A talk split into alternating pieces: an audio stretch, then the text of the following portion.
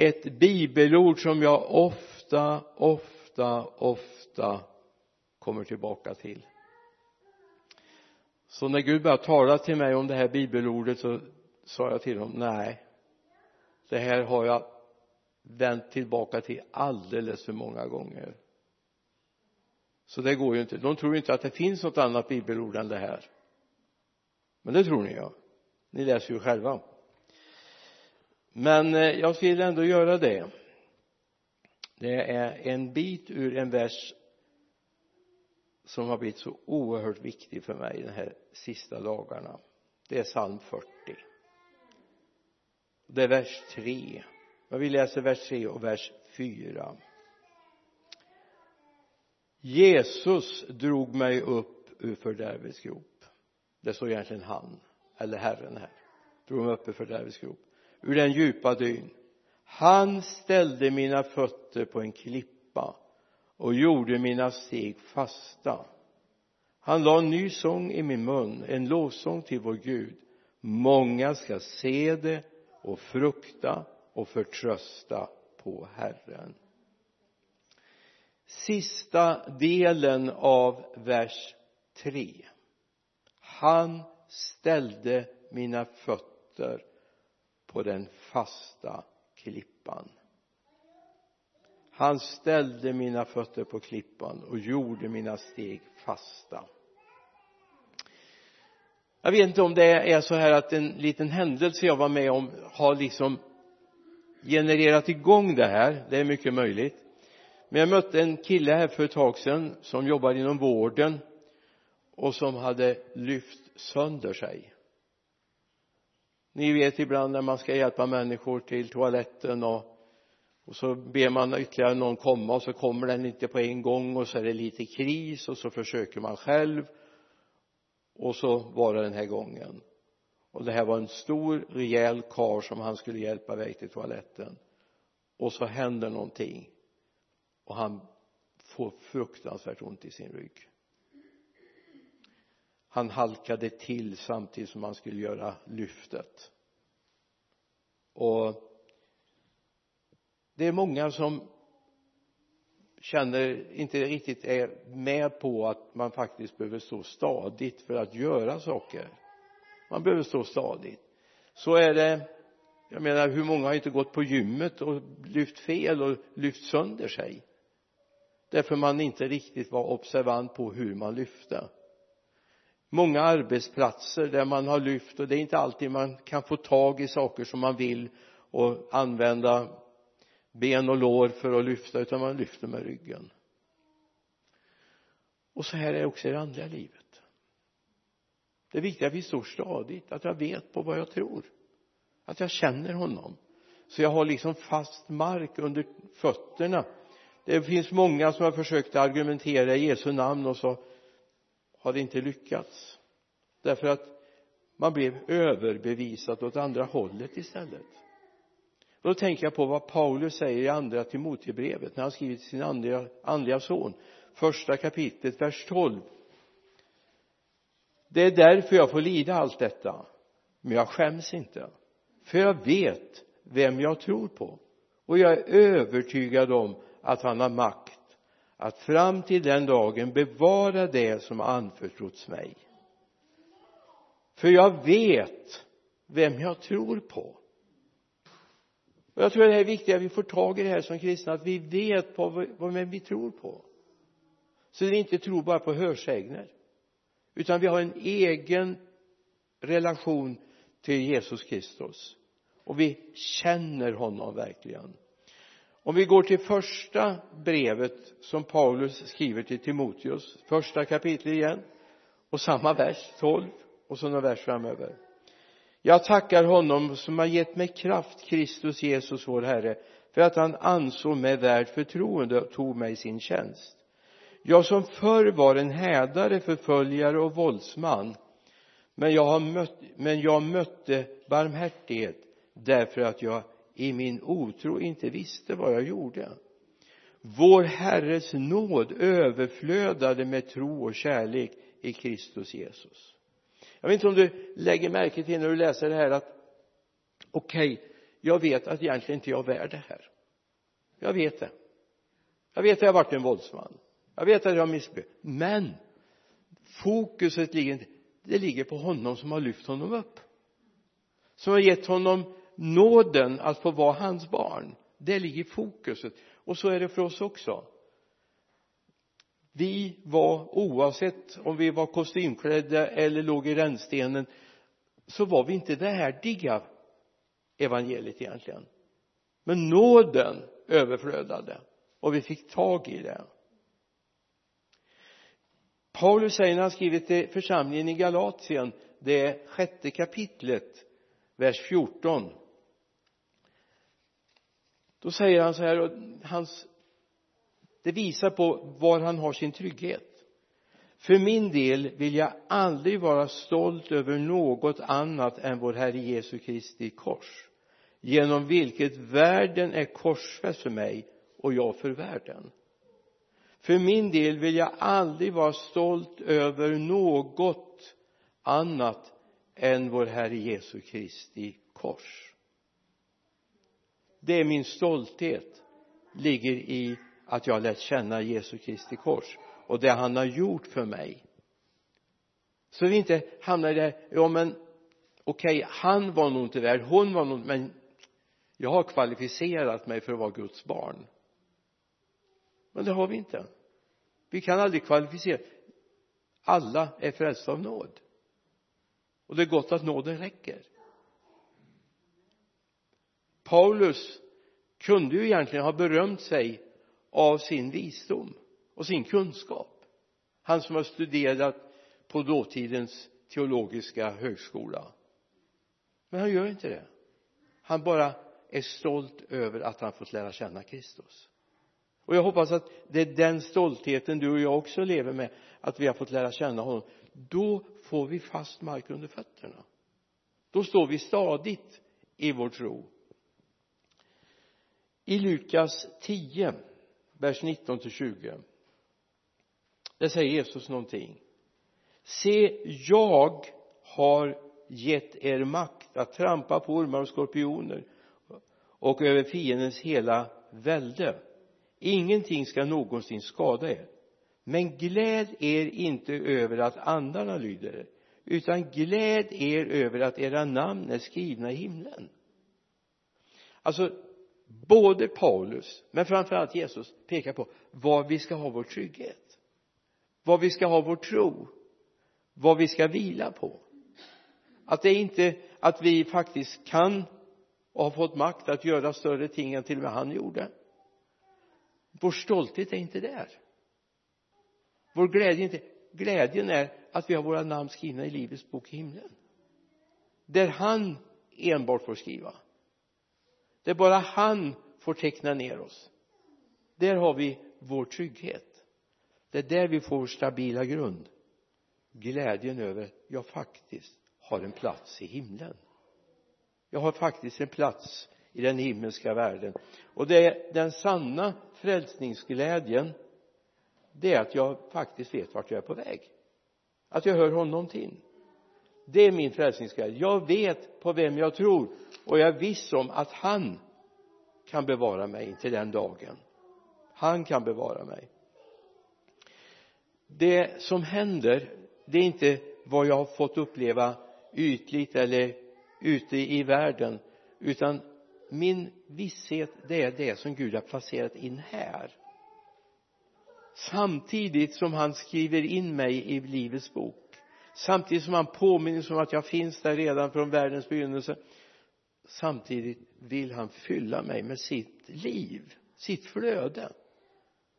I eh, Johannes sjunde kapitlet vers 38 och en bit in vers 39 så står det någonting väldigt viktigt som jag tror varje kristen inte skulle ge sig. Jag menar kunde Jakob vid Jabboks vad säga jag släpper det inte med mindre än att du välsignar mig det är ju med Herren hans tid va? Så det är han ju märkt efter den striden också. Så han haltar ju från den stunden. Tänk om vi kunde vara lika envetna och säga far jag släpper dig inte med mindre än att du välsignar mig. Då händer det som vi läser om i Johannes 7 och 38 den som tror på mig som skriften säger ur hans innersta ska strömmar av levande vatten flyta fram det sa han om anden som de skulle få som trodde på honom. Det sa han om anden som de skulle få som trodde på honom. Strömmar av levande vatten livgivande vatten kan man också översätta det. Livsflöde. Det är det som gör att jag till och med upplivas dag för dag. Jag behöver aldrig komma in i en torkperiod andligt sett. Jag behöver aldrig komma in i en andlig torkperiod därför det finns i mig. Det är inte vad jag kan prestera och göra utan vad han får göra i mig som är viktigt. Fokuset ligger alltså på vad han har gjort i mitt liv inte vad jag kan göra för honom. Det är bra att göra saker för honom självklart.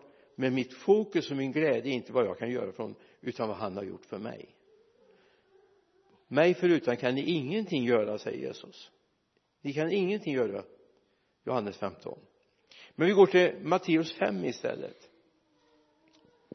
Förlåt det blir lite bibelstudium men jag älskar Guds ord. Så du får stå ut med mig.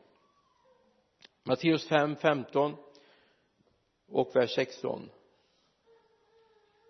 och man tänder inte ett ljus och sätter det under skeppan utan man sätter det på hållaren så att det lyser för alla i huset på samma sätt ska ert ljus lysa för människorna så att de ser era goda gärningar och prisar er far i himlen.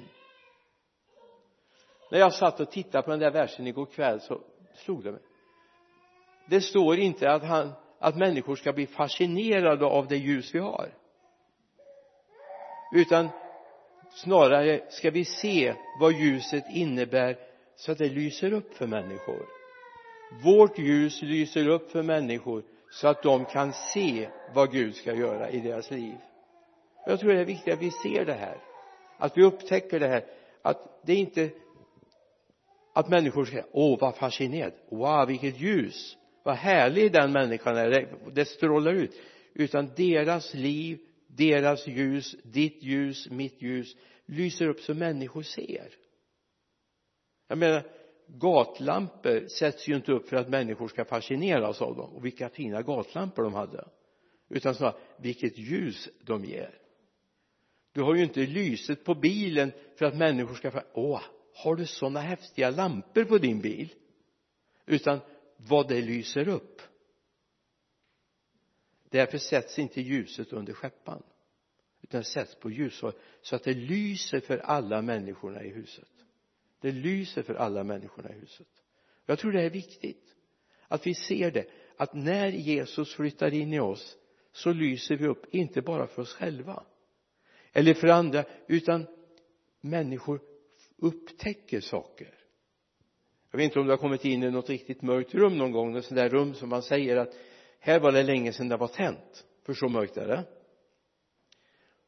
och så kommer man in, man vet inte vad som finns i rummet så tänder man lyset så upptäcker man helt plötsligt både bråte eller om det är fint va? Och det är precis det Guds ljus vill göra så att människor ser vad som är destruktivt och vad som är positivt. När de ser vägen till Gud genom att vi tänder ljuset och är ljuset i den här världen. Gud vill ge oss en trygg klippa att stå på honom själv stå på klippan. Stå mitt i ljuset. Våga stå mitt i hans ljus. Du, risken är ju att du blir avslöjad. Men det är också en välsignelse att bli avslöjad. Jag menar om någon upptäcker att jag faktiskt har ett, en farlig sjukdom så är det ju inte liksom den som upptäcker det som är den hemska människan utan det är sjukdomen som är hemsk. Och det är väldigt bra att någon upplyser och kan åtgärda det och hjälpa mig med det va? Så är det också när Guds ljus börjar lysa på våra liv så kan vi se vår svaghet, våra brister och våra tillkortakommanden. Och vi kan se vad som är sant och rätt och riktigt. Därför är det viktigt att ljuset är tänt. Där vi går fram och i våra församlingar att det är ljuset som lyser. Inte lögnen, inte mörkret utan hans ljus får lysa. Och det händer när vi står på klippan Kristus han ställde mina fötter på en klippa. Han ställde inte mina fötter på ett gungfly. Han ställde inte mina fötter på svag is. Han ställde inte mina fötter i ett kärr utan på klippan. Och det är viktigt vi ser det. Min tro vilar på en klippa. Den håller. Den håller. Jag vet vad det är att gå i ett kärr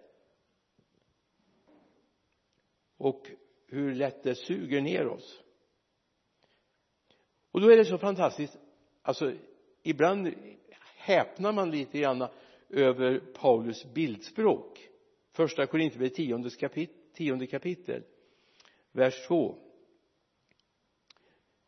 ni vet eh, när Israels folk gick ifrån Egypten hem till Kanans land så småningom så uppenbarade sig att de fick en moln som var över dem och skyddade dem från solens hetta på, på dagen och som samtidigt ledde dem. Och på natten hade de ett eldsmoln som lyste upp för dem så de kunde gå, de kunde gå både natt och dag om det behövdes. Och skulle de vila så sänkte sig molnet eller eldstoden och det är den som Paulus hänvisar till här. Alla blev de döpta i molnskyn och havet till gemenskap med Mose alla åt i samma andliga mat. Och alla drack i samma andliga dryck. De drack ur en andlig klippa som följde dem. Och den klippan var Kristus. Alltså i, nu är det lite grann så att det snubblar. Var det ett berg som gick med dem? Vi vet ju att vid två tillfällen i alla fall drack man ur det som flödade fram ur berget även om det ena var under olydnad det andra var under lydnad. Ja, men ena gången skulle faktiskt Moses slå på klippan det ska rinna nästa gång skulle han bara tala till klippan men han slog igen. Han hade liksom ja, gjort en modell av det här. Men det var Kristus som var med dem. Och han beskyddade dem. De gick på fast mark. När de gick med honom även när de gick genom Röda havet så gick de på fast mark alltså vi har fått en klippa att dricka ur men vi har fått en klippa att stå på. Alltså han omsluter oss på alla sidor. Han är en sköld runt omkring mig står det i psalm 3 faktiskt runt omkring mig. Inte bara framför mig. Han beskyddar mig. Han är över mig i molnet. Om du förstår bilden. Han är under mig i klippan. Jag dricker mig otörstig ur hans klippa visst är det fantastiskt? I eh, Efesierbrevets tredje kapitel vers 16 och det här är också någonting som handlar om honom. Jag ber säger Paulus att han i sin härlighets rikedom ska ge er kraft och styrka åt er inre människa genom sin ande. Att Kristus genom tron ska bo i era hjärtan och att ni ska bli rotade och grundade i kärleken så ska ni tillsammans med alla de heliga kunna fatta bredden, längden, höjden och djupet och lära känna Kristi kärlek som går långt bortom all kunskap. Så ska ni bli helt uppfyllda av allt av Gud, all Guds fullhet i honom. Alltså vi ska bli uppfyllda av någonting det är någonting som ska ta boning i oss och ska leva i oss. Och det är viktigt att vi upptäcker det att vi är rotade och grundade i kärleken. Alltså ibland är det svårt att säga att man, man planterar något på berget men, ja, men i, i Guds bildspråk kan man göra det. Står jag på klippan så är jag också grundad jag är rotad i honom. Så att han bor i mig men jag har också mina andliga rötter i honom och hämtar min styrka och kraft där. Och därför är det inte svårt att älska människor. Om du upptäckte det. Det är inte svårt att älska människor. Det betyder inte att jag tycker som dem alltid. För ibland kan det vara så att jag tycker till och med att de har fel. Och jag har rätt att tycka att de har fel. Men jag ska älska dem ändå. Jag ska be för dem. Bibeln är ju ganska tuff att säger jag ska be till och med för mina fiender och det blir mycket bättre då om jag kan göra det. Det blir bättre för alla parter. Varför då jo därför när jag står på stadig grund så har jag mina rötter i kärleken som finns hos Kristus. Om jag har mina rötter i Kristus så fylls jag av hans kärlek. Och jag får tag i det som uppfyller allt med Guds fullhet. Utan Jesus Kristus kommer du inte att se vem Gud är. Men med honom kommer du se honom. Jag vet inte om du har hört men ibland när man pratar med människor så försöker de förklara för en så här tycker jag Gud är. Och de har enorma idéer en del vem Gud är. Och jag måste bara säga att ja men så tror inte jag. Det är inte min bild av Gud. Och då blir jag vadå? Men så, sån är han ju. Min Gud är inte så min Gud är rättvis. Min Gud är kärleksfull. Min Gud är omsorgsfull. Om jag sedan bestämmer mig för att vända honom ryggen så är det ju inte Guds fel. Om någon vill plåstra om din hand när du har slagit dig eller skurit dig och du tar bort din hand och säger nej jag vill inte. Det är klart då får jag inte den personens omsorg och kärlek jag tror det är viktigt att vi lär oss att faktiskt Gud vill göra mycket gott för oss men vi måste vilja. Gud tvingar inget gott på oss. Men om vi kan få människor att inse att men det här är det bästa. Sträck din hand sträck ditt liv mot Gud så kommer du stå stadigt resten av livet. Det här är min hälsning ikväll.